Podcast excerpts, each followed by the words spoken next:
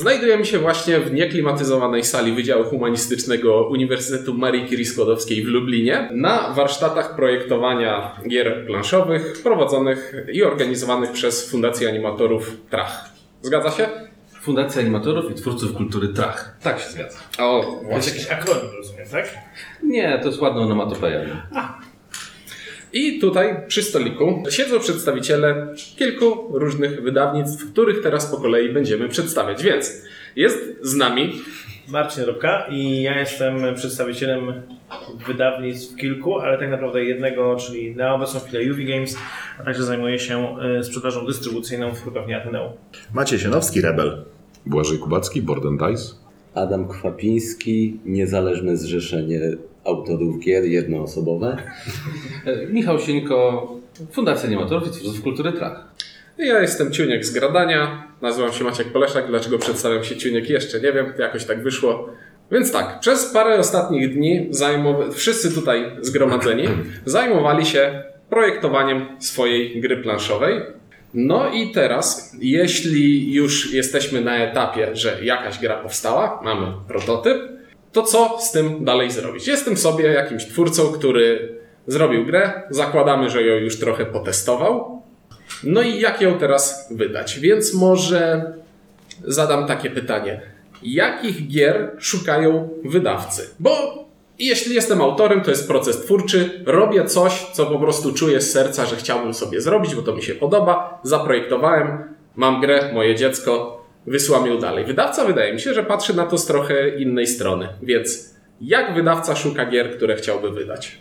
Wydaje mi się, że, że wydawca, mo- możemy podzielić na, wydawców na dwie grupy. Na tych, którzy faktycznie szukają takich, e, takich prototypów i tych, którzy nie szukają. I teraz jakby po stronie autora e, jest, e, autor musi dokonać takiego researchu, żeby nie wysyłać do tych wydawnictw, które nie szukają, bo jest bardzo dużo takich wydawnictw w Polsce, które nie chcą przyjmować prototypów. Ale te ci wydawcy, którzy e, szukają tego typu prototypów na swojej stronie internetowej bądź w jakimś komunikacie powinni określić e, zakres tego, jakie gry ich interesują.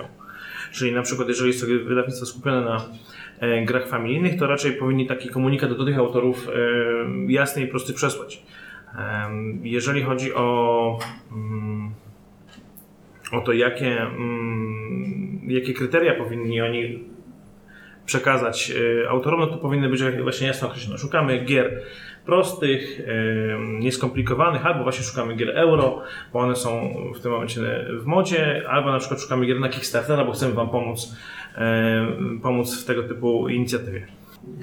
Nie wiem, co dalej tak Znaczy, znaczy się, tutaj jeszcze jest jedna sprawa, dlatego że y, y, prawdą jest, że wydawnictwa umieszczają na swoich stronach internetowych takie informacje, jednakże y, autor też powinien wykazać się swoją inicjatywą, żeby przejrzeć się tak naprawdę temu, co teraz rynek oczekuje, co jest teraz na czasie i też dostosować wydawcy, do którego wysyła, bo to też nie chodzi o to, żeby wysłać do każdego, kto ma napisane w swoim kontakcie, ma napisane kontakt małpa firma.pl, bo wysyłanie w ten sposób, a tym bardziej wysyłanie do wszystkich bez UDW, to jest y, po prostu straszna sprawa, dlatego że wysyłając wszędzie, tak naprawdę generalnie nie wysyłasz do nikogo, zwłaszcza, że różne wydawnictwa też mają czasami różne wymagania tego, czego oczekują, że dostaną. Na przykład w naszym przypadku mamy dokładnie określone, czego potrzebujemy. Potrzebujemy y, zdjęć, potrzebujemy wstępnego zarysu instrukcji, potrzebujemy jakiejś części tam informacji, jak to się w ogóle gra, ile zostało testów popełnionych, no i jeszcze mamy tam taką y, powiedzmy kreatywną część pod tytułem dobrze by było, gdybyście dali nam jakieś wideo dotyczące gry i czasami to są wideo pod tytułem e, pan siedzi i tłumaczy, a czasami jest pani, która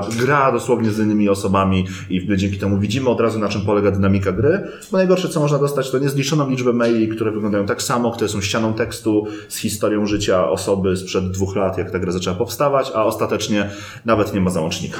Czyli co, innymi słowy, nie wysyłać w ciemno prototypów, tylko najpierw zacząć podchody jakoś łagodniej. To jest trochę jak z walentynkami w szkole, tak? To nie chodzi o to, żeby wysłać jak najwięcej, tylko żeby trafiły do tej jednej, jedynej. E, No dobrze, a jeśli już jak, jakiś pomysł autorów się spodoba, to jak wygląda sam proces wydawniczy? Ile może minąć od y, podjęcia tej pierwszej decyzji, że o, dostaliśmy grę, ten pomysł nam się podoba, chcemy na tym pracować. Jak długo zanim ta gra trafi na półki sklepowe? I tak myślę, że trzeba liczyć mniej więcej, że potrwa to około dwóch lat. Może być to nieco krócej w niektórych przypadkach, w bardzo wielu przypadkach może być to i dłużej, dlatego że e, wydawnictwa zwykle mają to do siebie, że mają jakieś plany, które realizują z pewnym wyprzedzeniem, no bo planszówki się nie robi od razu i nawet w momencie, w którym ta planszówka jest już ukończona pod względem tego, jaką ma powiedzmy zawartość, czyli jeśli już e, zdecydowano, jaka jest ostateczna wersja tego, jak się w nią gra, to nadal są pewne kroki, które trzeba jeszcze podjąć, żeby ona się stała planszówką, taką, którą spotkamy gdzieś na półce. W związku z powyższym e, to jest proces, który tam ten czas zajmuje i wiadomo, że wydawnictwa planują sobie rzeczy z pewnym wyprzedzeniem. Stąd rzadko się zdarzy tak, żeby gra, która zostanie przyjęta i nawet ukończona, a dodatkowo jeszcze dochodzi ten proces e, ukończenia samej gry. Rzadko jest tak, że prototyp, który trafi do wydawnictwa, będzie w, nie wiem, 95% zgodny z tym, jak będzie wyglądała ostateczna gra, która trafi na półkę. To jest chyba rzadkość, tak? Że ja nie pamiętam, żeby kiedykolwiek prototyp, który został przesłany w 100% odpowiadał temu, jakim będzie, jak będzie wyglądał finalnie, jeżeli chodzi o mechanikę. Y, Jest to no, niezwykle rzadko y, tak się dzieje. Ja sobie wyobrażam, że to się może zdarzyć kiedyś. Zdarza się. Zdarza się.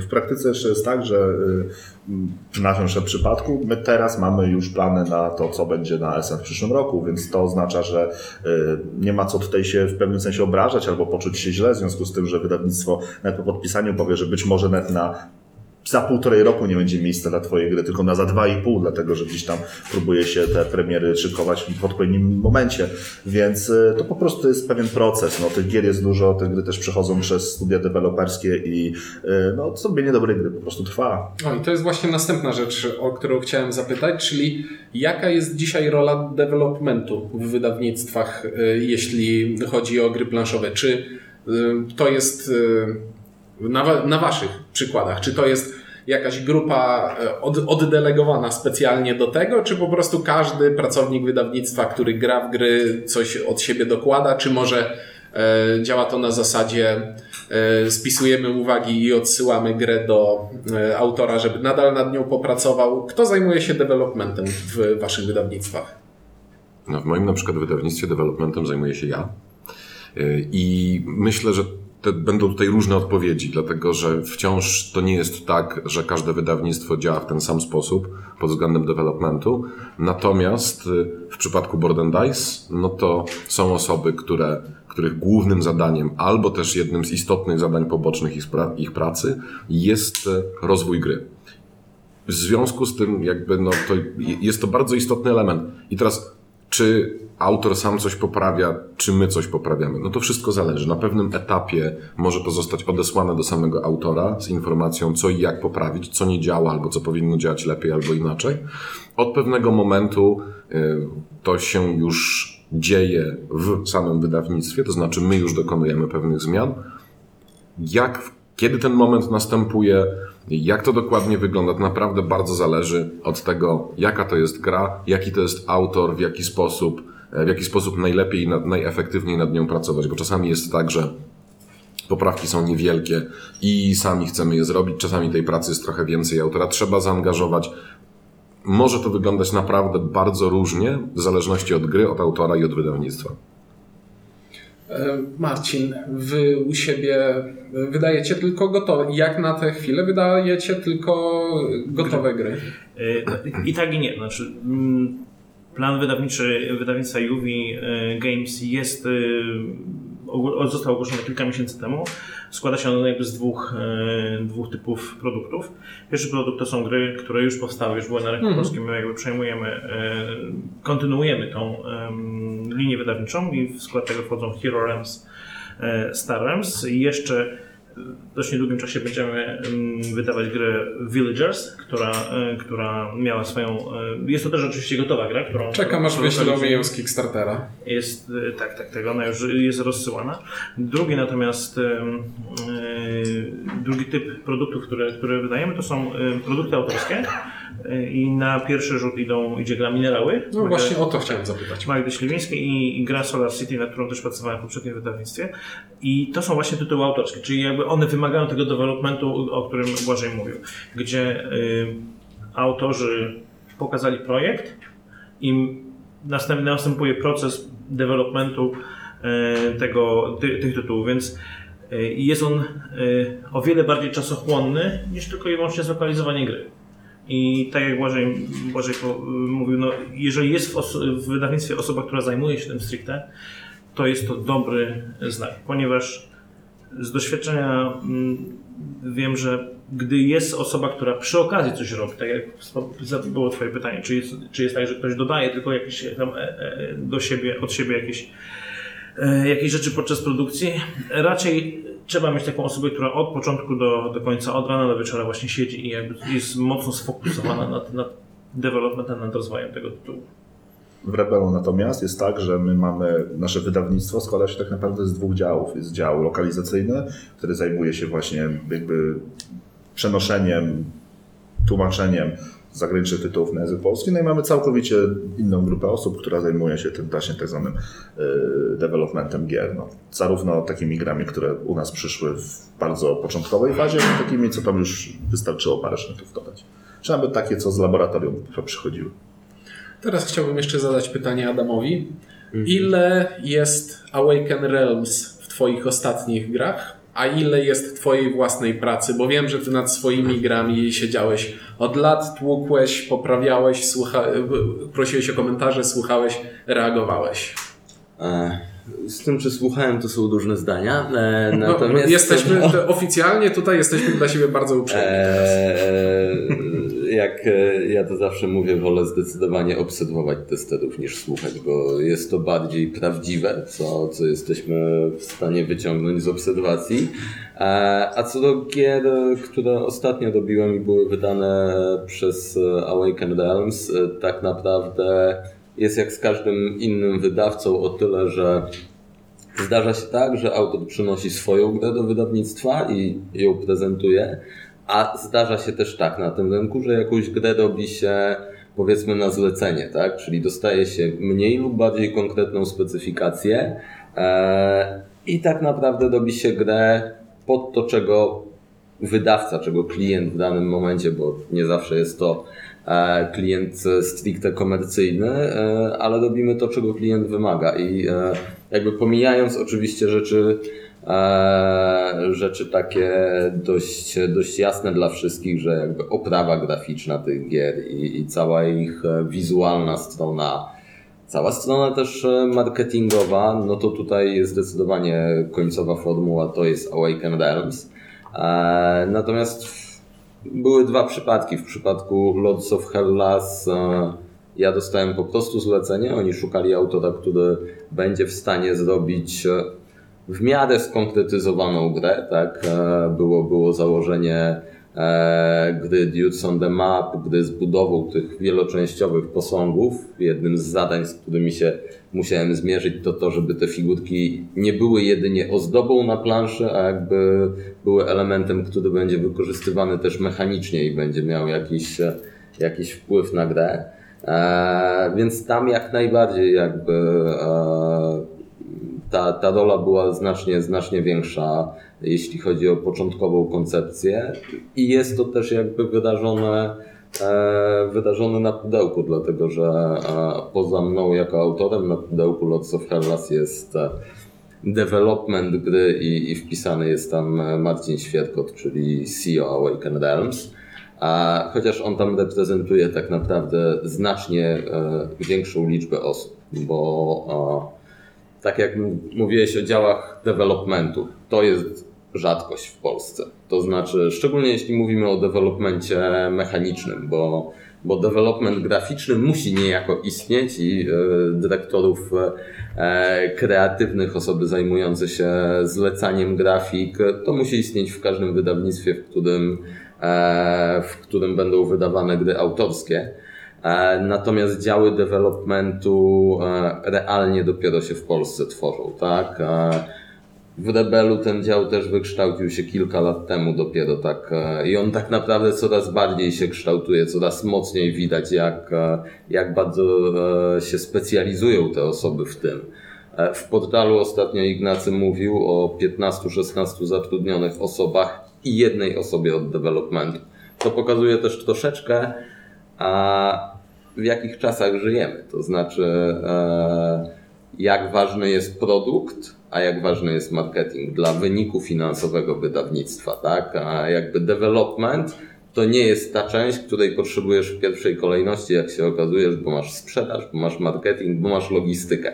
W sensie, no możesz mieć świetny development, ale bez logistyki wydanie gry na przykład przez Kickstartera to jest samobójstwo, więc e, Awaken Realms tutaj na pewno jest, e, podchodzi troszeczkę inaczej, dlatego że robią mniej gier i mają poza jakby działem developmentu dział testerski. Tam mamy pięć osób, które zajmują się testowaniem i dewelopowaniem gier i e, no to jest, e, to jest wyjątek na rynku, myślę nie tylko polskim, to się nie zdarza aż tak, aż tak często. Z tego też powodu jakby te ich projekty są e, duże i mogą się zajmować tak dużymi grami, bo, no bo nie wyobrażam sobie e, takiej liczby gier, jaką wy wydajecie jakby i, i wydawanie takich gier autorskich w tym tempie. To jest, e, to jest dość wyjątkowe, więc coraz bardziej widzimy te, te działy w Bot and Dice też jakby on się przez kilka ostatnich lat ukształtował już bardziej, ale, ale to dopiero początek, to się dopiero profesjonalizuje od tej strony i, i zobaczymy gdzie, gdzie nas zaprowadzi. No dobrze, a jeśli nie wydawnictwo, to zawsze jest opcja własnym sumptem podziałać coś i wydać, bo nie jest trudno zaklepać sobie termin w drukarni, przygotować pliki i wysłać je do wydruku. Nie no, to rzeczywiście jest super łatwe. Bardzo łatwo, ba, ba, Znaczy, w ogóle. w ogóle wiecie, wysłać jakiekolwiek pliki jest zawsze łatwo, tylko pytanie, czy to będą dobre pliki. E, No i tutaj chciałem zwrócić się do Michała, który jakiś czas temu wydał pod logiem Tracha e, swoją grę Unia Lubelska. Jak to wyglądało w Twoim przypadku? No, ja w przeciwieństwie do pozostałych tutaj panelistów prowadzę tak naprawdę samemu e, tą, tą fundację i samemu e, głównie zajmuję się e, wydawaniem gier, czy pracą w ogóle nad tym projektem. E, oczywiście przy współpracy z na przykład z grafikiem czy z testerami, natomiast jednak główna część tej pracy e, spada na mnie e, i przez to przez ostatnie 3 lata wydałem trzy gry. W sensie jedną przy silnej e, pomocy i współpracy Adama, czyli Zaraci Lubelszczyzny. W zeszłym roku była Historia Lublina, a w tym roku jest Unia Lubelska. No i w przeciwieństwie do e, właśnie tych dużych wydawców m, e, jest to proces znacznie powolniejszy, spokojniejszy, wymagający ode mnie zupełnie innej analizy i podejścia i wsłuchiwania się przede wszystkim w testerów. E, Bo inaczej moje, moje spostrzeżenia niekoniecznie muszą być słuszne, niekoniecznie muszą być mm, właściwe, bo wymaga to po prostu dużego dystansu, a nabranie tego dystansu wymaga czasu. Przez to jest właśnie taka, takie tempo wydawania tych gier. Natomiast w moim przypadku jest też o tyle łatwiej, że mm, nie muszę mm, tak mocno naciskać na przykład na promocję tych tytułów, bo są to tytuły, które trafiają do szkół, do bibliotek, są rozdawane za darmo w Lublinie i w najbliższej okolicy, e, po to, żeby pokazywać gry planszowe, po to, żeby pokazywać, jakim, jakimi, jakie są nowoczesne narzędzia edukacji nieformalnej, a to wszystko sprawia, że jest zupełnie inny charakter tej pracy. Więc na pewno da się wykonywać taką pracę samodzielnie bez wsparcia całego działu, developmentu, ale wtedy trzeba robić po prostu w innym charakterze te gry, mm, spokojniej, dłużej i na pewno mm, jest to zupełnie inny proces. A ja muszę tutaj tylko dodać, że e, w przypadku tego typu e, działalności wydaje mi się, że najważniejszą rzeczą jest doświadczenie. Bo y, trudno jest mi sobie wyobrazić osobę, która zachłysnięta e, grami planszowymi, która złapała bakcyla, bo zagrała w 3 czy 4 gry i mówi, o to ja też to zrobię. Wszyscy tak mamy. Wszyscy ci, którzy, e, tak przynajmniej z tego co rozmawiam z innymi osobami, wszyscy ci, którzy e, zagrali w kilka gier mówią, wow, jakie to jest fajne, ja też może sobie zrobię własną grę. Widzę, że to się fajnie sprzedaje, mamy, może na tym spróbuję zarobić. I teraz nie wyobrażam sobie osoby, która po bez takiego dużego doświadczenia, mm, bez takiego kompletnego researchu i próby wydania różnego rodzaju innych rze- rzeczy, że nagle idzie na polski crowdfunding, bądź zagraniczny crowdfunding i w 100% jakby robi wszystko bezbłędnie. Nie wiem, czy jest, czy kiedykolwiek ktoś takie cośkolwiek zrobił.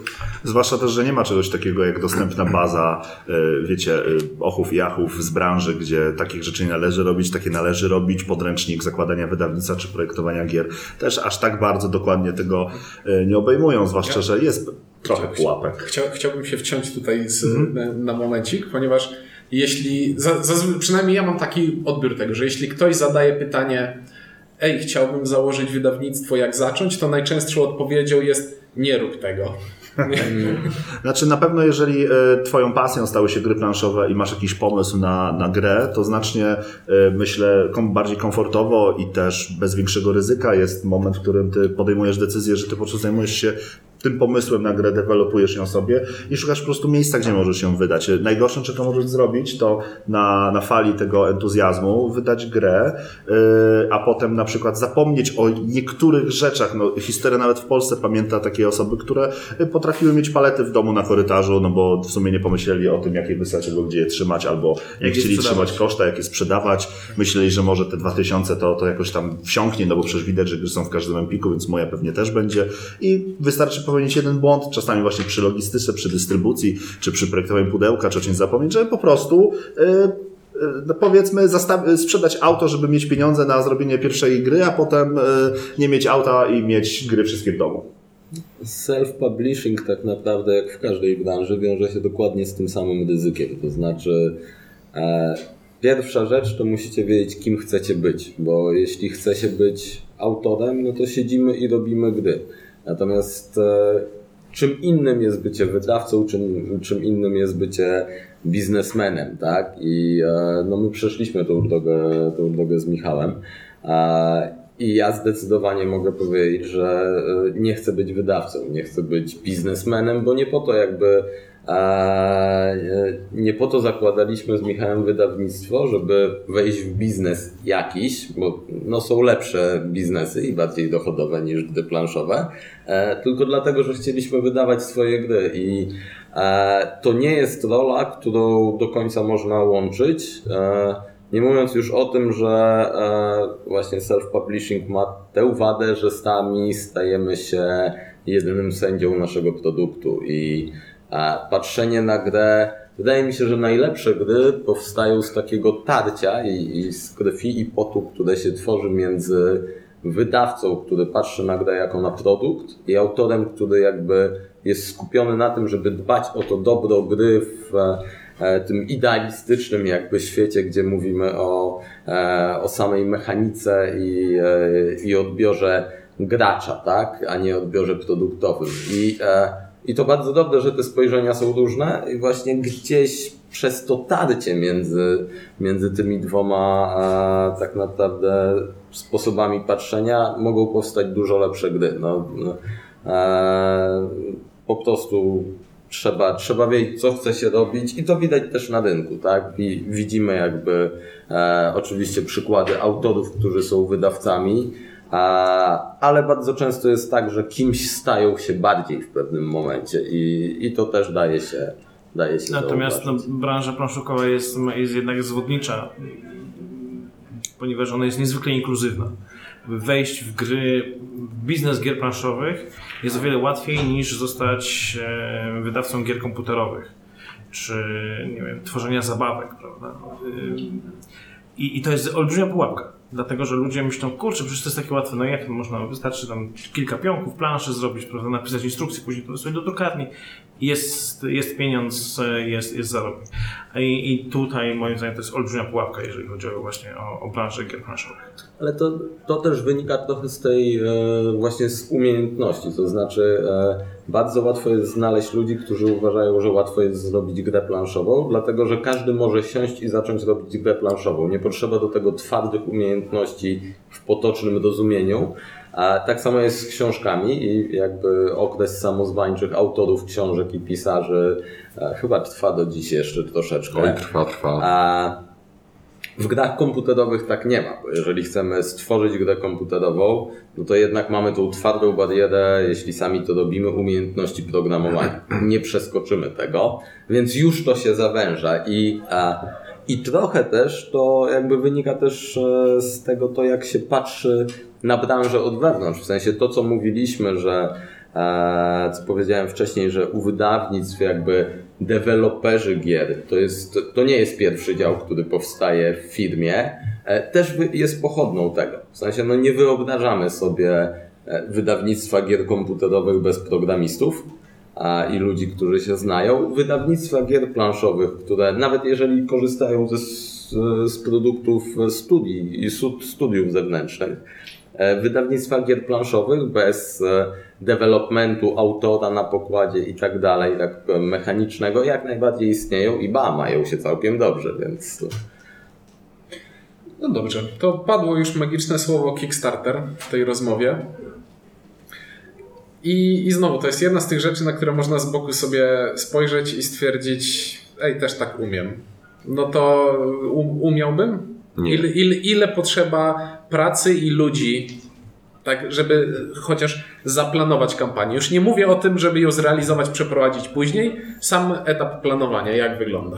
Znaczy, większość ludzi, trzeba przyznać, nie umie. Względnie no nie umie zrobić takiej kampanii, która zbierze kilkadziesiąt do kilkuset tysięcy. E, Natomiast nadal jest tak, i to jest dosyć istotne, że wciąż pojedyncze osoby mogą zrobić kampanię, która zbierze kilka tysięcy, oczywiście, mówiąc tutaj o Kickstarterze. Natomiast e, istnieje takie przeświadczenie o tym, że Kickstarter to jest jakaś taka magia i na tym przeświadczeniu już się sporo osób przejechało jakoś tak boleśnie, że wystarczy mieć coś, pokazać to ludziom i oni zaczną w nas rzucać pieniędzmi i my później tych pieniędzy będziemy mieli mnóstwo i będziemy mieli wydaną grę, wydany produkt. Oczywiście wiadomo, e, Kickstarter od czasu do czasu produkuje takie urocze historie, jak na przykład e, gość, który zebrał 60 chyba 8 tysięcy dolarów na em, sałatkę ziemniaczaną. I jasne, takie rzeczy się zdarzają, ale ilekroć widzisz, że się coś takiego zdarzyło na Kickstarterze, to załóż, że nigdy więcej się nie zdarzy i tym samym, że nie zdarzy się tobie. Natomiast jeśli chodzi o trochę e, konkretnych odpowiedzi dotyczących tego, jak działa planowanie takiego Kickstartera. Planowanie tak naprawdę to jest drobiazg w porównaniu z tym, co trzeba zrobić, jak już nam się, nie daj Bóg, ta gra ufunduje swoją drogą. Ale o tym może za chwilę. Żeby zaplanować dobrego Kickstartera, przede wszystkim trzeba z czymś przyjść do wspierających.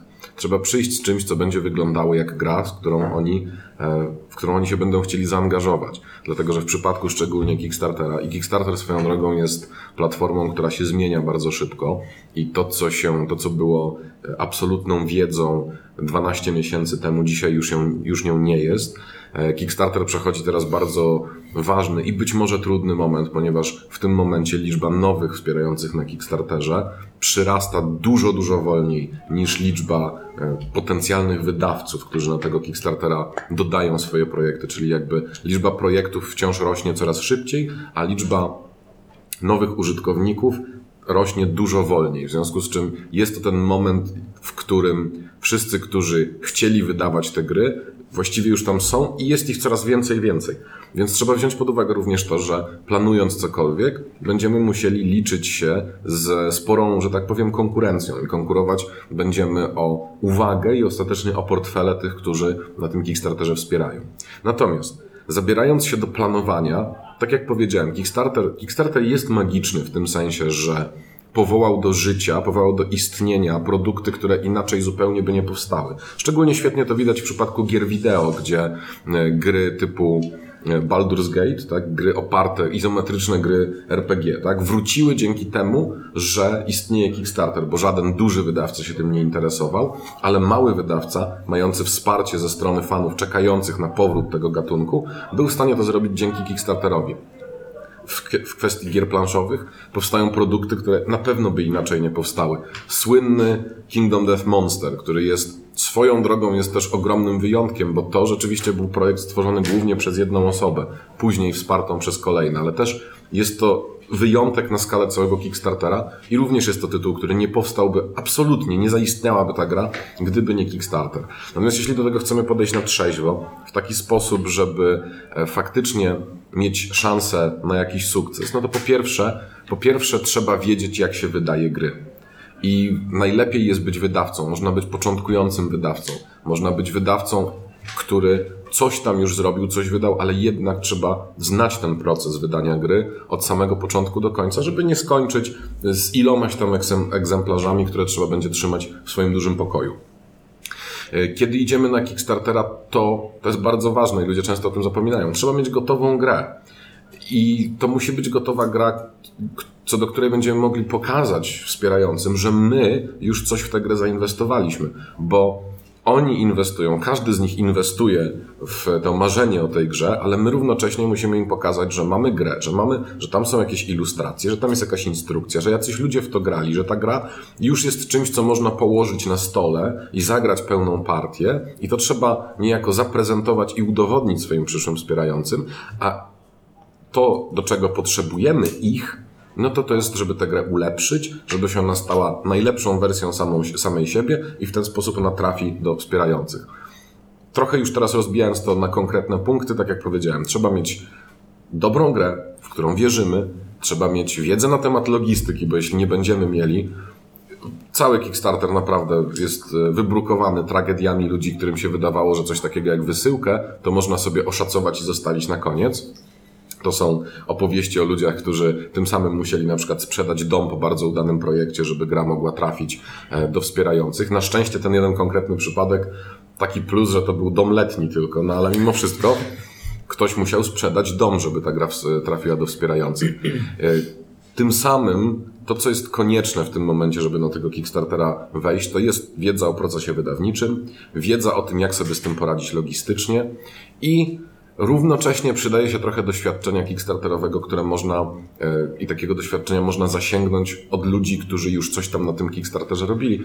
Na to się składa sporo szczegółów, o których często, szczególnie w przypadku mniejszych produkcji, o których ludzie często nie myślą. Na przykład dodając w toku projektu trzy kolejne talie kart, możemy nagle dociążyć nasze pudełko na tyle, że w różnych miejscach na świecie wysyłka tego pudełka przeskoczy na kolejny próg i nagle nam się zrobi, i jeśli to pomnożymy przez 500, to nagle się okazuje, że zaczyna nam w naszym budżecie brakować czegoś, co się staje zauważalne.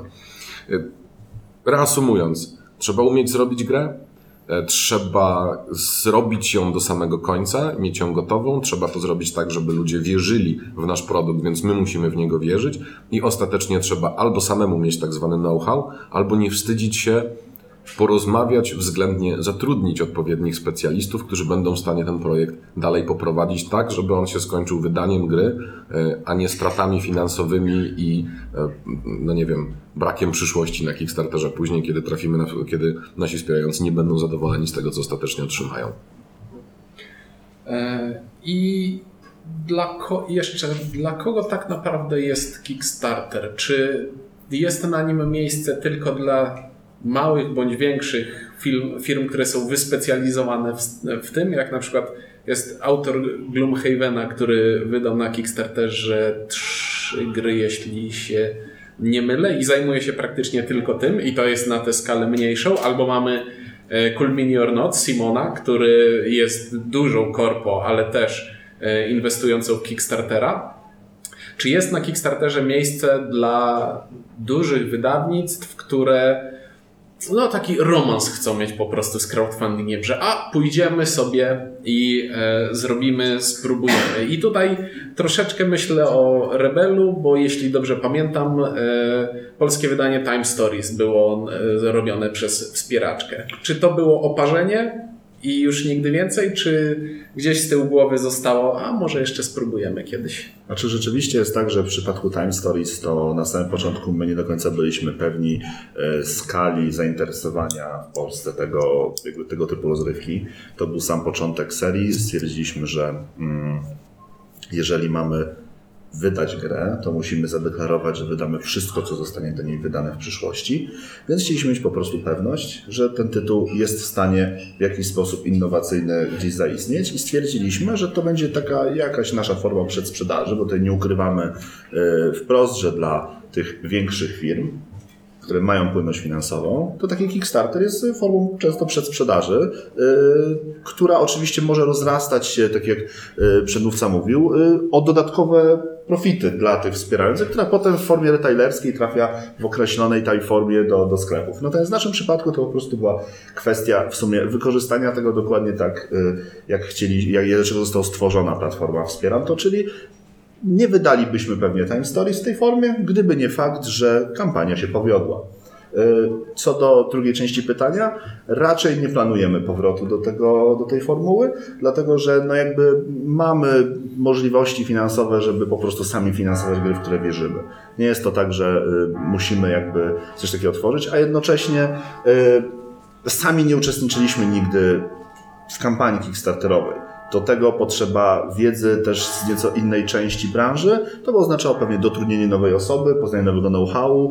No i jeżeli znajdzie się w naszym portfolio w przyszłości, y, w naszym studiu deweloperskim gra, która by idealnie do tego pasowała, no to pewnie będziemy w tą stronę iść, ale też nie będzie tak, że będziemy poszukiwać konkretnie twórców pod tego typu projekty. Jeśli mogę coś jeszcze dodać do tego. O, Em. jest południe. Jest południe.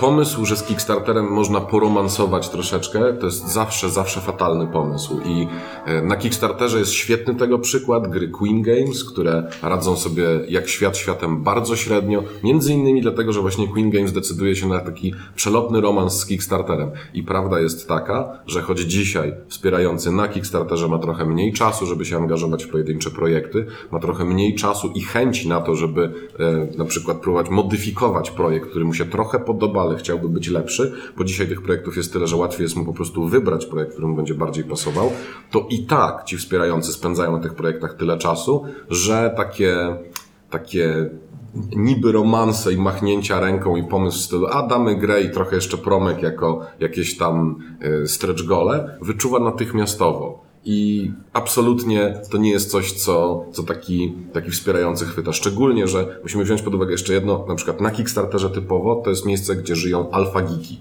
Czyli ludzie, którzy, e, którzy mają duże kolekcje, którzy najczęściej wspierają całkiem sporo. I to są ludzie, którzy taką opcję, taką opcję na zasadzie, a spróbuję, coś tam rzucę na, na takiego Kickstartera, wyczują natychmiast. Jest to na dłuższą metę strata czasu i jeśli się angażować w Kickstartera, to robić to poważnie. Jeszcze zależy od ilości produktów, na którą masz czas promować. Jeżeli ty masz tak naprawdę dwie, trzy gry i przepuszczać je przez Kickstarter jako formę romansu, to pewnie jesteś jeszcze w stanie to gdzieś tam sobie ogarnąć, jako że i tak chciałeś zrobić kiedyś promocję tej gry i tak dalej, ale w przypadku na przykład nas, kiedy y, w portfolio 100 gier rocznie trzeba było wyciągnąć odpowiednią osobę oddzielnie, która wypromowałaby Time Stories, jest to cały etat, który gdzieś wlicza się w to, że jest jedna gra, którą trzeba wypromować, przygotować w innej formule. Yy, nie wiem, rysownika, który dorysował konkretne karty. No tutaj akurat w naszym przykładzie tego nie było, ale zakładam, że o tym trzeba po prostu myśleć. No i też, tak jak mówiliście, to nie jest po prostu kwestia, że do tej gry dodam cztery promki więcej. No, chciałbyś tutaj dorzucić rzeczywisty content, tak? W przypadku yy, Nemesis, no to dostajesz, mogłeś dostawać konkretne dodatki, pudełka dodatkowe, elementy, których nie miałeś normalnie, jakieś komiksy, no cokolwiek. A to wymaga konkretnego zaangażowania ze strony wydawcy, którego nie musiałby robić, gdyby nie fakt, że zrobił taką opcję i ta opcja została ufundowana. Myślę, że można by tak reasumując tego Kickstartera i wydanie, wydawanie gier w sposób tradycyjny, jeżeli chcielibyśmy zlokalizować grę e, na rynek polski, bo wydawca gdzieś ją tam wydał, no to mamy tam, załóżmy, potrzebujemy tygodnia. Jeżeli chcemy zrobić grę autorską i wydać ją w sposób normalny, czyli bez, bez żadnej wspieraczki, to ja potrzebujemy około dwóch miesięcy w stosunku do tego jednego tygodnia. Zrobienie autorskiego, autorskiej gry na Kickstarterze, przeprowadzenie całej kampanii, myślę, że to jest w granicach pół roku. Gdybyśmy tak mogli, gdybyśmy mieli takie zasoby, zasoby ludzkie. Nie licząc okresu dostarczenia kontentu do użytkowników. Tak, to, tak, tak, tak. to jest raczej kilka lat. stworze- tak, przygotowanie, stworzenie, e, napisanie kampanii, e, zrobienie mm, grafik, e, promocja. No Jest to bardzo żmudny i czasochłonny proces. To jeszcze korzystając z okazji, że siedzę w takim towarzystwie, chciałem podpytać o jeszcze jeden sposób wydawania gier. E, mianowicie wydawnictwo amerykańskie GMT ma coś takiego jak program P500. I w dużym skrócie GMT robi grę, wrzuca zasady na swoją stronę internetową i mówi: Jeśli 500 osób zapisze się na tę grę, to my ją wydamy i do Was wyślemy. Bez Kickstarterów, bezpośrednio na stronie wydawnictwa. Dlaczego nie ma takich rozwiązań więcej? Co stoi na przeszkodzie? GMT wymyśliło Kickstartera przed Kickstarterem, bo GMT od zawsze miało swój program P500, od tych, stąd prawda, ta nazwa 500 osób. Um, ale to też dlatego, że to są specyficzne gry i oni.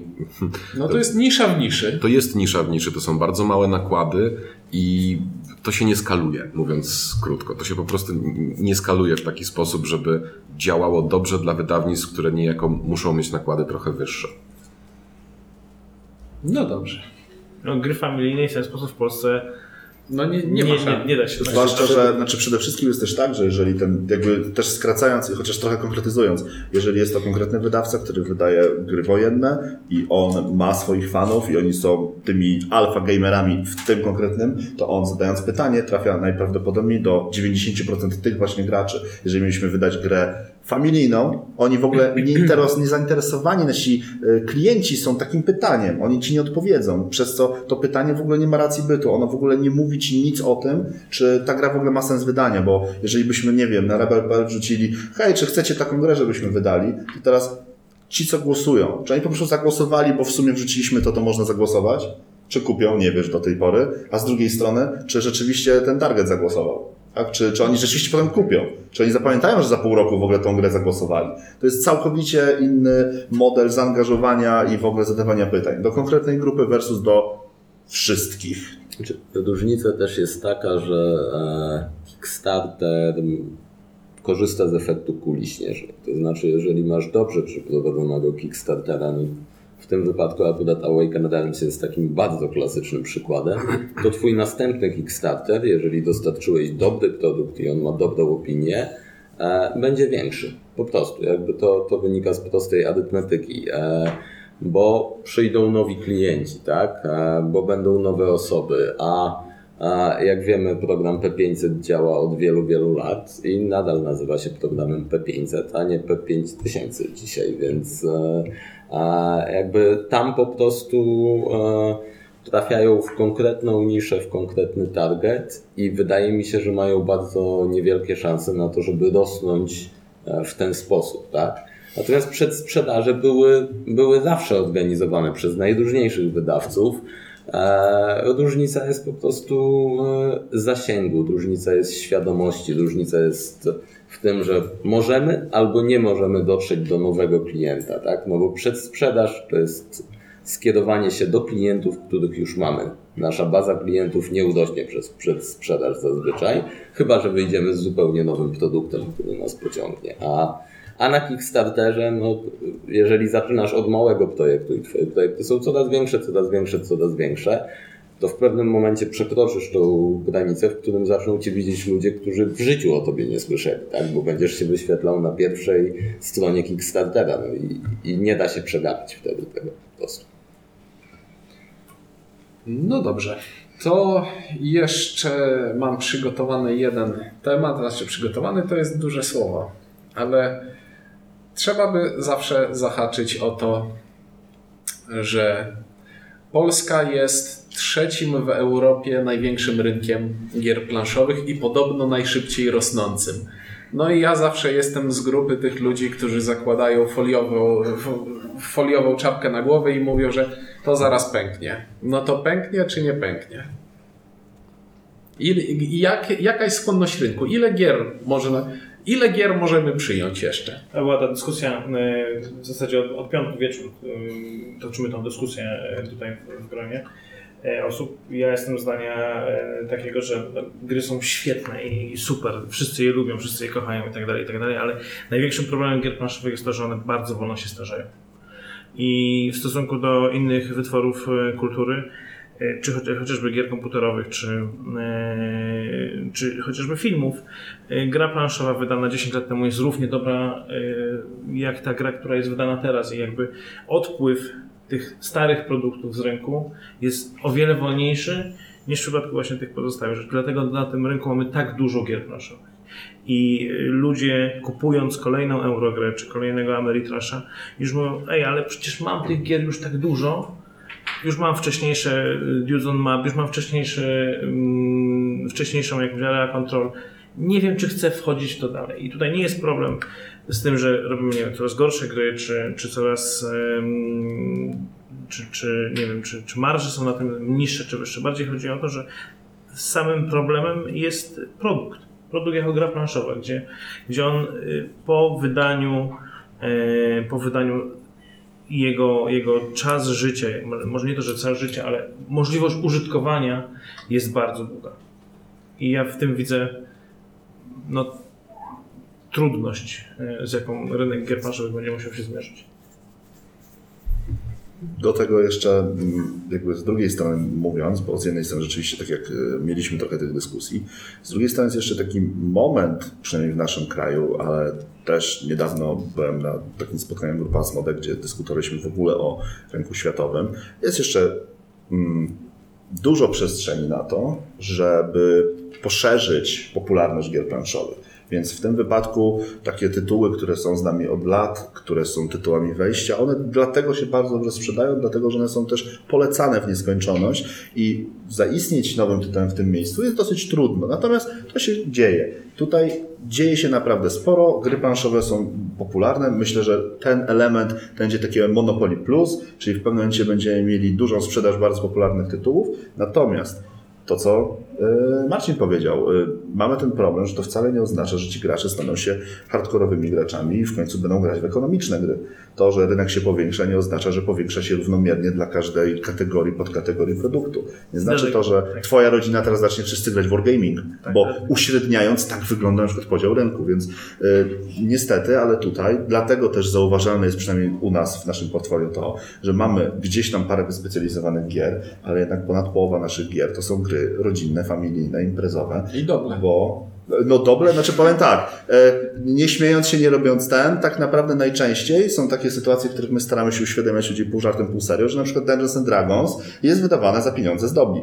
Więc to można się śmiać i można mówić, że coś jest jakieś, ale generalnie pieniądz to pieniądz. I gra jest naprawdę strasznie popularna i jako gateway jest y, dla wielu osób y, no, po prostu pierwszą rzeczą, jaką widzieli po, nie wiem, UNO i właśnie Monopolu. I być może dzięki takim rzeczom ten rynek cały czas rośnie. Natomiast to wcale nie oznacza, że będzie transfer w specjalistyczne odnogi branży, więc może się okazać, że gier na przykład tych ekonomicznych, jakichś eurosucharów, będzie wydawanych standardowa mniej więcej taka sama liczba co roku, a że one się starzeją najdłużej, znaczy tak, starzeją się najdłużej, może się okazać, że zaraz te minimalne nakłady będą coraz mniejsze albo coraz mniej opłacalne. Dlatego ten program P500 GTM jest, jest właśnie tego przykładem. Tak jest. Dzięki. Możliwe, że gdzieś będzie, możliwe, że to jest jakaś tam odpowiedź, albo jakaś taka metoda, która działa od lat w tym części, może ona w przyszłości będzie też adekwatna dla, nie wiem, gier ekonomicznych, którą chcemy na przykład wydać. Będzie pytanie, czy to jest P1000, jeżeli znajdzie się P1000, to wydamy dwójkę i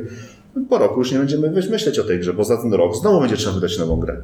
Dla GMT swoją drogą to działa świetnie, bo to jest, to jest niezatapialne wydawnictwo w dużej mierze dzięki Tak. temu, ponieważ gra, którą oni wydają, to jest gra, która de facto już się sprzedała w wystarczającej liczbie egzemplarzy, żeby im się to zwróciło, a dalej już tylko zarabia. Ja tylko chciałem, ja tak naprawdę się włączyłem tylko dlatego, że mówienie, że pęknie jest trochę dramatyczne, w sensie takim, że Takie miało być. ale, ale mnóstwo ludzi tak na to spogląda i y, trochę, bo to rzeczywiście gry planszowe nagle, szczególnie w oczach ludzi, którzy się w nie zaangażowali, urosły z jakimś takim niesamowitym tempem.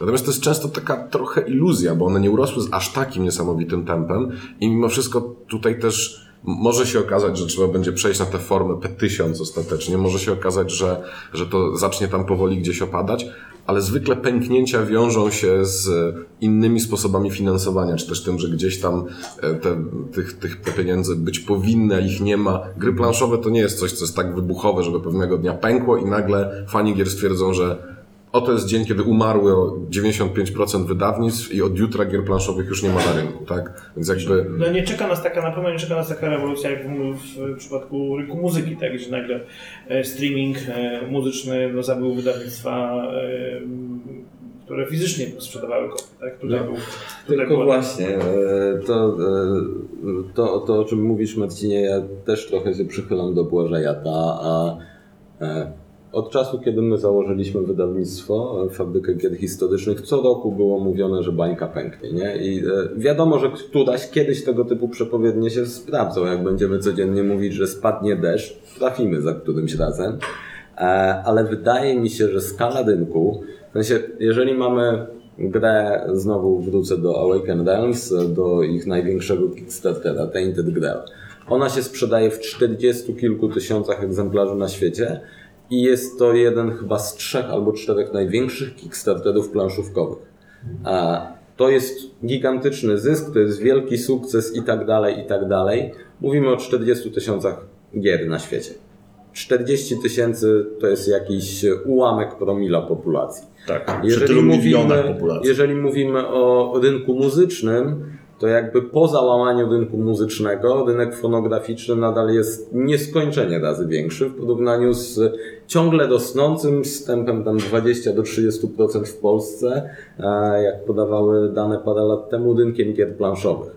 Więc wydaje mi się, że jakby ta granica, która wystarcza na to, żeby wydawcy działali, no powiedzieliśmy o GMT i P500, nie wyobrażam sobie do końca, że e, przyzwoitej gry nie będzie człowiek w stanie sprzedać w 500 egzemplarzach. Jakby wiadomo, tych gier mamy bardzo dużo i jakby e, bardzo e, widać dużą przepaść między skalą sprzedaży gier, które chwyciły, które siadły na rynku, i skalą tych gier, które przy tysięcznym, dwutysięcznym nakładzie, tak jak kilka lat temu kończyły na wyprzedażach i, i w piwnicach, tak i dzisiaj tam kończą. Jakby tu się nic do końca, mam wrażenie, e, nie zmieniło. Jest skala gier rodzinnych, gdzie to faktycznie mówimy o innej skali. W sensie, kiedy, kiedy Maciek mówi o doblach czy o e, Ticket to Ride, to to ten Tainted Grail nie robi wrażenia jakby nakładowego, prawda? Bo jest, jest to inna skala, inny target. E, Ale wydaje mi się, że przy grach specjalistycznych tak małe nakłady są wystarczające, żeby utrzymywać wydawnictwo. Niewielkie, to niewielkie, ale, ale jednak, e, że nie możemy, jakby ciężko by było, żeby wszyscy nagle gracze przestali grać. W sensie e, to jest za mała skala. Za, ten próg jest, jest na tyle bezpiecznie ustawiony, na tyle nisko ustawiony, że wydaje mi się, że e, jakby nie będzie tak wyraźnego tąpnięcia. On jest, ta bańka, ta, w cudzysłowie, bo nie ma tej bańki faktycznie, ja przychylam się do tego, ale on jest bardziej niebezpieczna, ten trend załamania w pewnym momencie tego rynku jest o wiele bardziej niebezpieczny dla dużych firm niż dla małych, bo małe firmy sobie spokojnie poradzą. Duże firmy, które mają e, dziesiątki albo setki osób zatrudnionych dla, e, do obsługi całego rynku e, gamingowego, wydaje mi się, że tutaj może być większy problem dla tych właśnie firm. Ja chciałem jeszcze pewno. dorzucić tylko do efektu skali. E, W zeszłym tygodniu rozmawialiśmy z e, kolegami z wydawnictwa z Chin i oni na przykład zauważyli, że e, jeden z największych takich wyzwań dla rynku planszówkowego jest fakt, że dużo osób mm, w ich kraju zmienia przyzwyczajenia z planszówek na mobile. Po prostu na telefonach. Okazuje się, że no, aplikacja na telefonie, która jest dla Ciebie grą, jest po pierwsze najczęściej za darmo, możesz ją wrzucić impulsywnie na telefon i równie impulsywnie z niej zrezygnować. Masz tam tyle mechanizmów, które Cię uczą do tego, że Ty masz dostać natychmiastową gratyfikację, a później uczą Cię, że tą gratyfikację możesz podtrzymać za pomocą małych środków pieniężnych, które wpłacą za każdym razem. I to jest dla nich na przykład realne jakieś tam wyzwanie. I teraz dla efektu skali mówimy tutaj o programie 500 P500, o tym, że może zrobimy P1000, o 40 tysiącach Tainted Grail. A oni mi powiedzieli, że według ich badań uzależnieni od mobile phonesów, do których chcą dotrzeć, to jest 200 milionów tylko w Chinach. Efekt skali naszej branży, innej branży i co to oznacza 40 tysięcy, kiedy porównamy je z całym światem i w ogóle z jakby siłą nabywczą ludzi na świecie. Czyli podsumowując, jesteśmy małym hobbystycznym kółkiem, które po prostu lubi to, co robi. Na A pewno jak- jesteśmy więksi niż y, branża filatelistyki w Polsce. Tutaj w ramach, żeby siebie troszeczkę na koniec pozytywnie zakończyć, jesteśmy większą niż filatelistyka, zdecydowanie. Chociaż wciąż nie mamy żeby, magazynów w sklepach. A, Ale mamy słabsze lobby niż lutnicy, bo w e, prawie autorskim lutnicy są wymienieni z nazwy jako twórcy, a twórców, projektantów gier nie ma, więc jakby długa, długa droga przed nami. Dokładnie.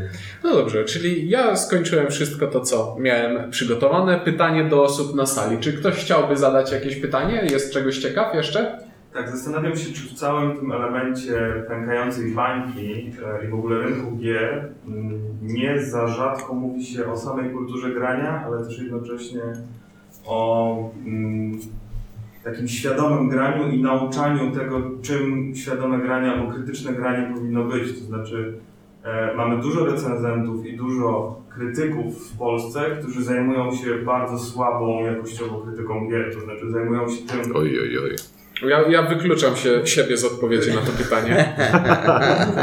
Jesteś prowadzącym, Jak nie prawda? wtopić pieniędzy, e, a nie jak znaleźć dobrą grę, albo dlaczego dana gra jest dobra i co robi mechanicznie dobrze. E, I mm, jednocześnie być może e, bańka nie będzie wydarzeniem jednostkowym jak Czarny Piątek, tylko ona już się stała, bo ilość wydawnictw w Polsce, w Polsce się zmniejszyła. Więc jakiś rodzaj kryzysu branży gier już przyszedł e, i to, że w miejsce wielu wydawnictw, które mogą zaproponować autorską politykę, wchodzi wiele dużych korporacji, które unifikują standardy, to z jednej strony dobrze, bo unifikują standardy i mamy się do czego odnieść, ale z drugiej strony być może szkodzą e, unifikalności produktów. To znaczy mamy mniej jakościowego kontentu, a więcej tego samego, bo się dobrze sprzedaje. I może odpowiedzią jest róbmy lepszą krytykę i uczmy jak grać w gry, jak je produkować. Ja tylko bardzo krótko chcę i jakby to nie będzie bardzo głęboka analiza, ale chciałem tylko zaznaczyć, że to, że skończył się Blue Ocean nie oznacza, że jest źle. Bo to jest jakby coś takiego, bo w każdej branży rosnącej jest wysyp mniejszych firm, instytucji, które zaczynają się podłączać do trendu, nieważne czy to są planszówki, cokolwiek innego. I naturalną koleją rzeczy zawsze jest to, że one się będą albo ze sobą łączyć, albo będą odchodzić z rynku. To nie jest, to nie jest recesja, kiedy się nie rośnie w tym wypadku, tak szybko, jak się przyzwyczailiśmy do tego. To cały czas jest rynek rosnący. I Nie ma jakby sytuacji, w której my czujemy, przynajmniej znaczy, mogę mówić za siebie, nie wiem jak, jak wy to czujecie, ale to nie jest tak, że każda kolejna gra, którą wydajemy jest coraz gorsza, coraz mniejsza i wszystko na łeb na szyję i szukamy już teraz tylko koła ratunkowego. To jest tak, że po prostu Blue Ocean zauważalny i do których pe- peany były y, wysławiane przez ostatnie lata, że jak to ten rynek rośnie tak wspaniale, bo z roku na rok w Polsce powstaje 20 nowych wydawnictw, y, to właśnie mam wrażenie, że wręcz w tamtym momencie, jeżeli chodzi o jakość gier, było najgorzej, dlatego że było tak dużo wydawnictw, tak dużo osób, które myślały, że mogą się podłączyć bez wiedzy, umiejętności, bez zaplecza, robiąc produkty na gorszej jakości i tak dalej, z gorszym tłumaczeniem, że to właśnie wtedy jakościowo mogły być dostarczane gorsze produkty niż teraz, kiedy ten rynek się stabilizuje i już wiemy, jakie rzeczy ludzie, klienci lubią. Jeśli mogę do tego dodać jedną rzecz, bardzo podobnie to wyglądało kiedyś ze sklepami z planszówkami. Też o tym rozmawialiśmy w pewnym momencie. Z 10 lat temu był taki moment, kiedy nagle sklepy pojawiały się jak grzyby po deszczu i po większości tych sklepów dzisiaj nie ma śladu. I one znikały również w okresie, który wszyscy uznawali za ten roz, ok- okres absolutnego rozkwitu. Po prostu też było tak, że zostały te sklepy, które oferowały miłośnikom planszówek lepszą usługę, na różne sposoby. Dużo się walczyło cenami, ale są też sklepy, które oferują po prostu albo bardziej specyficzną, albo lepszą usługę w ten czy inny sposób. I też dla niektórych, niektórzy mówili wtedy, że jednak o, chyba coś się złego dzieje, bo mnóstwo tych sklepów prowadzonych ostatecznie z kuchennych stołów nagle zaczęło znikać. Dzisiaj część z tych sklepów, które powstały wtedy są i prosperują i są już dużymi sklepami, a po, po pozostałych zostały tylko wspomnienia i niedziałające strony internetowe. Natomiast jeżeli chodzi o, o, o tą, to co mówiłeś odnośnie e, edukacji kultury grania, e, no to to, co między innymi wydawnictwo Rebel robi, właśnie pokazywanie tych wyjście z do, do ludzi, którzy nie mieli do czynienia z graniem planszowym w tej porze, czy właśnie akcja w pociągu, gdzie, gdzie uczycie tego typu rzeczy, to jest, to jest jedna sprawa. No, ale z punktu widzenia też socjologicznego, to jednak ten rynek gier planszowych jest zbyt młody i, i nie ma takiej dużej liczby badań e, w stosunku na przykład do, do branży gier komputerowych. I, I tutaj nie mamy jeszcze, przynajmniej ja nie dotarłem do takich źródeł nie ma, odno- związanych właśnie z tym, jak te gry planszowe w, w społeczeństwie, w strukturze są, są odbierane. Więc mówiąc kolokwialnie, wydaje mi się, że zdecydowana większość wydawnictw po prostu robi to na czuja. Tak, fajne jest, podoba mi się, mam z tego frajdę i, i okej, to chyba to przynosi efekt, ale nie ma tutaj e, badań socjologicznych, które mówią, dlaczego tak jest. A, pewnie, pewnie szerzej trochę tych badań by się znalazło i, i w ogóle jakby zahaczając o, ludologię i o, granie, ale tam padło też na początku pytanie dość szybko, e, przez które przeskoczyliśmy a, po, a propos krytycznego postrzegania gier jakby i, e, i robienia tego świadomie, tak? Czyli mówiłeś o tym, że e, nie mamy jeszcze specjalistów takich e, e, w znaczeniu, nie wiem, dajmy na to branży filmowej, czy, czy książek, krytyków, krytyków gier.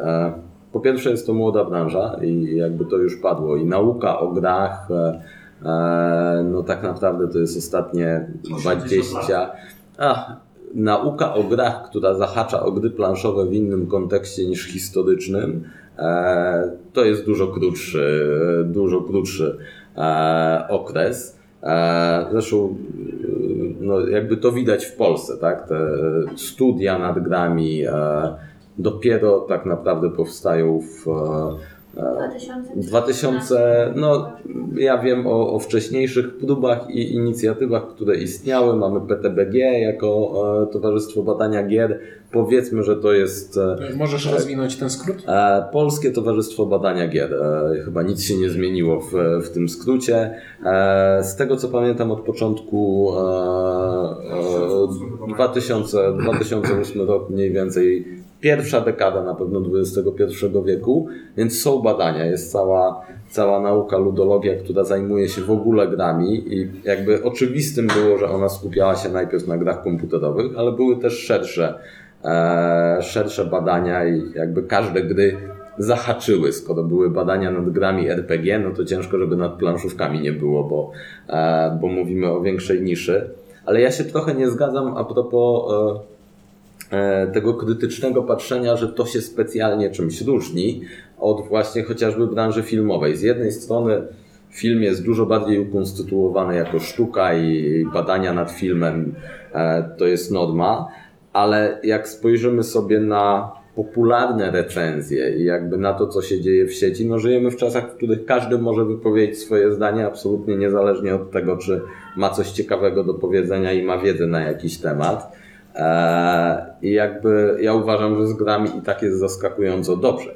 Znaczy, biorąc pod uwagę, że nie ma jakby tych badań i to się nie ukonstytuowało aż tak mocno, sam fakt, że większość recenzentów e, ma na przykład świadomość branży, e, może nie wszystkiego, ale, ale lata temu było dużo gorzej, bo lata temu recenzenci mówili o e, materiałach, z których produkuje się gry, nie mając bladego pojęcia, co to jest. I im się wydawało, że karta jest cieńsza albo grubsza i tak dalej. E, Dzisiaj jest tego coraz mniej, bo ci ludzie więcej wiedzą, bo często są związani w jakiś sposób z branżą. Taka jest prawda, jesteśmy małym, małym środowiskiem. Ale jakby jak popatrzę na to, co można znaleźć w sieci, nie, nie uderzając w badania naukowe o filmach albo o książkach i co można znaleźć o grach planszowych, e, to jakby okej, może nie ma aż tak dogłębnej naukowej analizy e, przy grach planszowych, ale średnia jest w moim odczuciu trochę wyższa.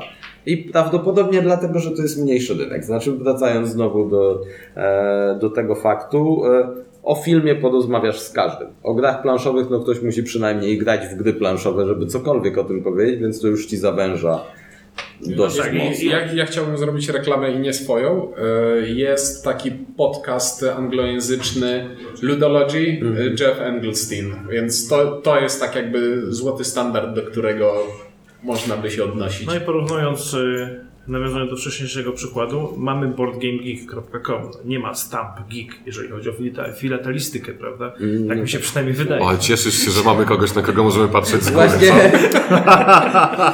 Za, zawsze, To zawsze lepiej. jakąś Na ramionach gigantów patrzę w dół. Dokładnie. E, Ale ja chciałem jeszcze jedną rzecz dodać do tego wszystkiego. Mimo wszystko problem jeszcze z krytyką, taką dogłębną krytyką gier planszowych polega trochę na tym, że końcowy użytkownik gry planszowej jest mniej zainteresowany krytyką, a bardziej zainteresowany prostą odpowiedzią, którą znajdzie szybko.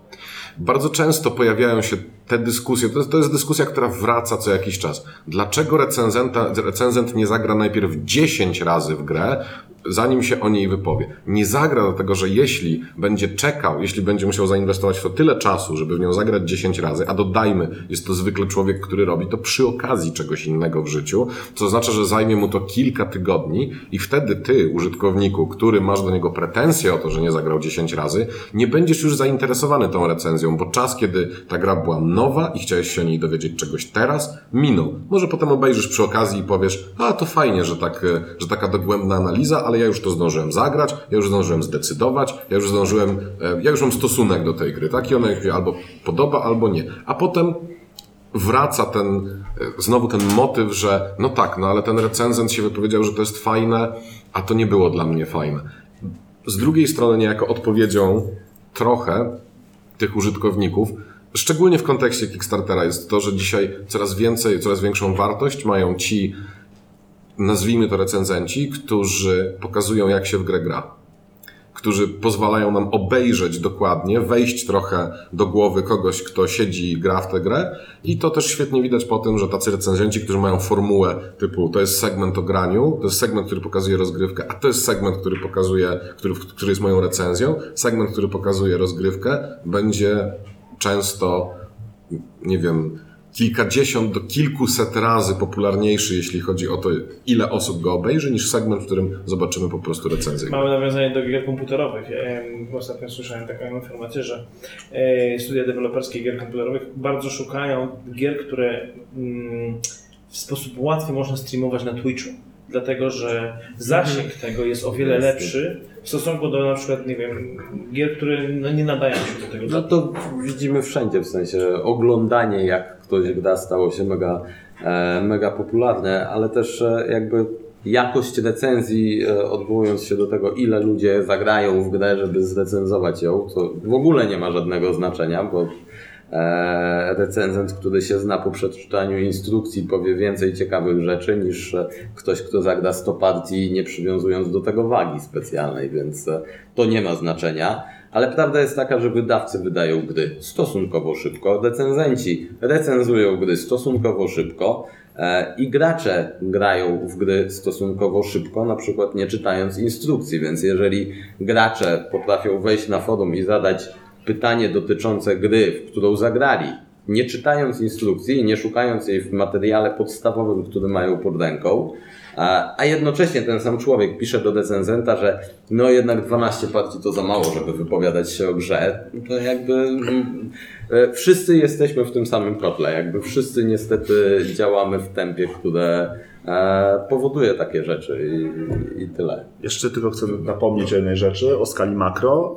Y, Zauważalnym trendem nie tylko przy planszówkach, ale w ogóle na świecie jest rozpowszechnienie jakby zachowań destrukcyjnych w internecie ze względu na swoje ja i ja internetowe i generalnie mówi się o tym jako kulturze hejtu i to będzie rosnąć także w świecie planszówkowym, dlatego że planszówki stają się coraz bardziej produktem popkulturowym, coraz więcej osób będzie wchodzić. Po zapoznaniu się z instrukcją w minutę, jeżeli instrukcja wymaga trzech minut i będą wyrażać swoje zainteresowanie tematem w sposób negatywny pod tytułem nie podoba mi się, ale ta głupia puszka jest droga, a dlaczego ta instrukcja jest taka skomplikowana, dlaczego ten wydawca jest taki. I to jest trend, Zachód, powiedzmy, taki nie socjologiczno-psychologiczny, który po prostu jest na całym świecie. Z tym samym borykają się y, po prostu wszystkie branże rozrywkowe, które dostarczają jakieś właśnie, y, y, wiecie, filmy i tak dalej, że po prostu wystarczy jedna mała rzecz i od razu robi się z tego duża afera, wyrażanie swojej niechęci, dlatego że pamiętajmy, że wyrażenie swojej niechęci jest aktualnie w internecie bardzo proste, nawet nie trzeba go podrzucać z żadnymi ważnymi argumentami, wystarczy powiedzieć, ale to jest głupie, albo nie podoba mi się, albo wydaje mi się, że powinien zagrać 10 razy. To jest tego typu rzecz. I to po prostu jest zrobić bardzo łatwo. To jest trend ogólnoświatowy i my też do niego należymy. Czy są jeszcze jakieś, czy, czy są jeszcze jakieś pytania z sali? Ja mam takie jedno małe, a propos tego, mówiliśmy o że starają się zostały popularniejsze.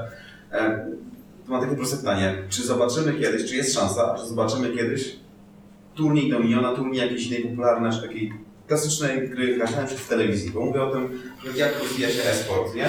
Czy kiedyś nie myśleliśmy w ogóle o tym, znaczy na, początku jak, to zaczę- jak ludzie zaczynali obserwować, jak inni grają, nie myśleliśmy o tym, że to w ogóle może za parę lat być transmitowane w telewizji, że mnóstwo osób może chodzić na zawody, gdzie dwie osoby grają w FIFA. Czy gry planszowe mają, czy jest szansa, że w ogóle to może być ciekawe do oglądania, czyli czy one w ogóle się do tego nadają, że możemy oglądać w, w telewizji turniej jakiegoś tam czy 700 świata? Bardzo ciekawe pytanie.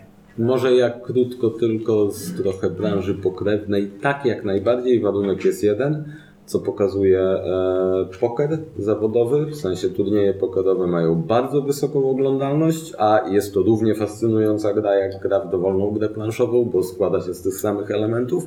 Warunkiem jest jedno, pieniądze, które będą e, nagrodą i jakby emocje, które temu towarzyszą. Przypomnijmy znowu ten efekt skali, o którym mówiłem wcześniej. Jeżeli w Dota 2 jest jakaś forma crowdfundingu wspierana przez platformę Steam, która dochodzi do 35 milionów dolarów jako nagroda dla top 32, bo oni mają przez efekt skali większy dostęp do funduszy i tak dalej, to trzeba by było mniej więcej no oczywiście w naszej skali wystarczyłoby mniej, pewnie milion, żeby coś takiego zrobić, ale zobaczcie, jeżeli macie programy e, rozrywkowe w telewizji, które polegają na tym, że ktoś wygrywa, od czego, jakie są nagrody? W tysiącach, dziesiątkach tysięcy, setkach tysięcy. To jest dokładnie taki budżet, który my musimy wyciągnąć e, z kieszeni klienta, podnosząc cenę produktu albo zwiększając swoją skalę, która po prostu przenoszona jest na inwestycje w studio telewizyjne, w prezentera i w całe show, które jest e, robione. Więc tutaj odpowiedź brzmi oczywiście, że tak, ale kwestia pieniędzy. Do Miniona może nie, ale jeśli już jakąś, to może Magica, dokładnie. Magica jak Magic najbardziej. jest, właśnie streamowany i tutaj e, regularnie można zobaczyć właśnie e, kanały, które prezentują e, grę w Magica Online. Natomiast boję się, że, że przy takich klasycznych grach e, jak Catan, czy Carcassonne, czy chociażby Ticket to Ride, efekt skali jeszcze popularności tych gier jest zbyt mały w stosunku do tego, jakie, e, jakie nagrody powinny być ufundowane. I o ile y, są mistrzostwa świata w, czy w Carcassonne, czy w Catan, e, W targach, bardzo duże przecież, tak? Z dużymi nagrodami stosunkowo. to, to jednak y, nie wiem, czy najbliższych latach to zobaczymy. Nie, bo tu wydaje mi się, że tu nie chodzi już są, nawet, nawet nie nazywałbym tego efektem skali, tylko to musi być efekt świadomości kulturowej, bo poker, poker jest, Texas Hold'em jest co, koniec XIX wieku? Pojawił się jak, jakoś, No, tak. jakoś tak. Tak I to jest, nawet jak nie znasz zasad pokera, to wiesz, że coś takiego istnieje, a w nowoczesnych grach planszowych nie znasz zasad i nie wiesz, że istnieje i to jest ta różnica. Jasne, natomiast jakby jeśli spojrzymy na wzrost i na tempo wzrostu na naszym podwórku, to e, jakby e, poker 10 lat temu, poker dzisiaj to jest zupełnie inne miejsce. W sensie jeśli chodzi o świadomość. Tak, tak, tylko startowały z innego miejsca. E, Tak, natomiast wzrost jest bardzo szybki i jakby wiemy, ja mam pewne przypuszczenia, dlaczego jest taki szybki. W pewnym momencie zakazano w Polsce pokera. Nic tak nie pomaga żadnej branży jak solidny zakaz, e, więc jak zakażą turniejów w gry planszowe, mamy szansę, że e, będzie duże zainteresowanie tym wtedy. Będzie można nas oglądać w Darknecie. O, mamy jeszcze jedno pytanie? Nie? Znaczy ja mam pytanie odnośnie właściwie, kontynuując wątek, czy to nie jest też kwestia trudności gier planszowych, jeżeli chodzi o samo medium? No bo na przykład, jeżeli chodzi o pokera, no to mamy proste zasady, widzimy też karty, które mają gracze i tak naprawdę główny aspekt jest emocji. Na przykład turniejów szachów no, mają dużo mniejszą oglądalność, a znaczy z pokrewnego rynku.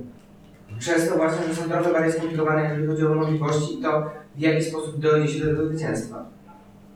No ja nie wiem, wydaje mi się, że jeśli ludzie są w stanie zrozumieć, co to jest pułapka offside'owa, to powinni być w stanie skumać, o co chodzi z Magiciem. Tak, no, ludzie jakby, wiecie, mamy cuddling, który jest oglądany, mamy oglądanie, nie wiem, e, snookera, pula i wszystkich odmian, no te wszystkie sporty nie należą do wizualnie najbardziej fascynujących, w sensie... No jak nie e, carving jest piękny. E, nie, no oczywiście, cudowny, tak, no. ale jakby wszystko, wszystko może być o, oglądane. Problem, o którym powiedziałeś, może istnieje w komponentach, to znaczy faktycznie jakby poker, żeby był e, streamowany, wymagał kamer, które były umieszczone w odpowiednim miejscu stołów.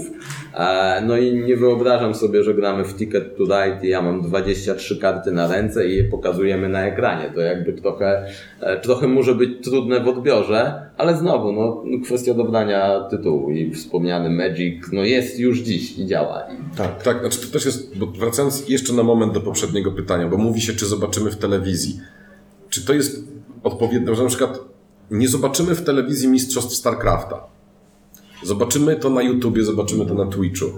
Wielkość tego no, jest już spora. To już, to już jest coś, co naprawdę staje się e-sportem, w którym są prawdziwe pieniądze. Takie prawdziwe pieniądze dla takich prawdziwych biznesów, a nie dla takich, które patrzą z góry na filatelistów. E, I jakby pytanie, czy one ostatecznie mają trafić do telewizji, bo to jest też taka kwestia, że telewizja, jaką znamy, staje się coraz bardziej jakąś, jakimś tam elementem przeszłości dla nowszych pokoleń. Jesteśmy przyzwyczajeni, my je zaczynamy być przyzwyczajeni do tego, że my nie chcemy oglądać telewizji, w której to sobie leci i my nie mamy na to żaden wpływ, tak? Usługi streamingowe, chcemy oglądać seriale, to sobie oglądamy wtedy, kiedy chcemy, chcemy oglądać jakąś rozgrywkę, to wchodzimy na YouTube i oglądamy wtedy, kiedy chcemy ta zmiana może nie przyjdzie od razu, ale ona już powoli przychodzi i te nowsze rozrywki, być może ich miejsce jest tam, gdzie e, oglądają je ludzie mający już jakieś pojęcie o nich, będący już nimi zainteresowani. Może tam się powinien, może tam należy oczekiwać ich wzrostu. Niekoniecznie, znaczy inaczej. Tak naprawdę, nie wiem, w TVP1 to chyba ciężko zobaczyć e, mistrzostwa pokera również, prawda? A, tak, tak. a z drugiej strony są w tym tak wielkie pieniądze, że można to gdzieś zobaczyć, ale raczej na kanale tematycznym, czyli gdzieś tam czymś, co już jedną nogą stoi w tej opcji, że chcę sobie wybierać, co oglądam. No, ale być może będziemy wymieniać klasyczną telewizję jako twórcy gier planszowych obok filatelistyki, tak? Jako przykład branży, na którą Tak. można spojrzeć z góry za Ja, jakiś będzie czas. anegdota sensie- właśnie, że kręciłem bekę z filatelistów. No. No to tylko wymyśl kogoś jeszcze, żeby to się, ten hejt się rozłożył. Ja patrz. wrzuciłem lutników. W międzyczasie nikt nie podchwycił jakby, no. Ale trzeba ostrożnie, mają silne lobby. Ale nikt do końca nie wie, kim są lutnicy, może dlatego. No dobrze, w takim razie chyba będziemy już kończyć. E, Dziękuję moim e, panelistom, którzy tutaj dzielnie tak rozmawiali. E, I to był Marcin Robka, Dziękuję.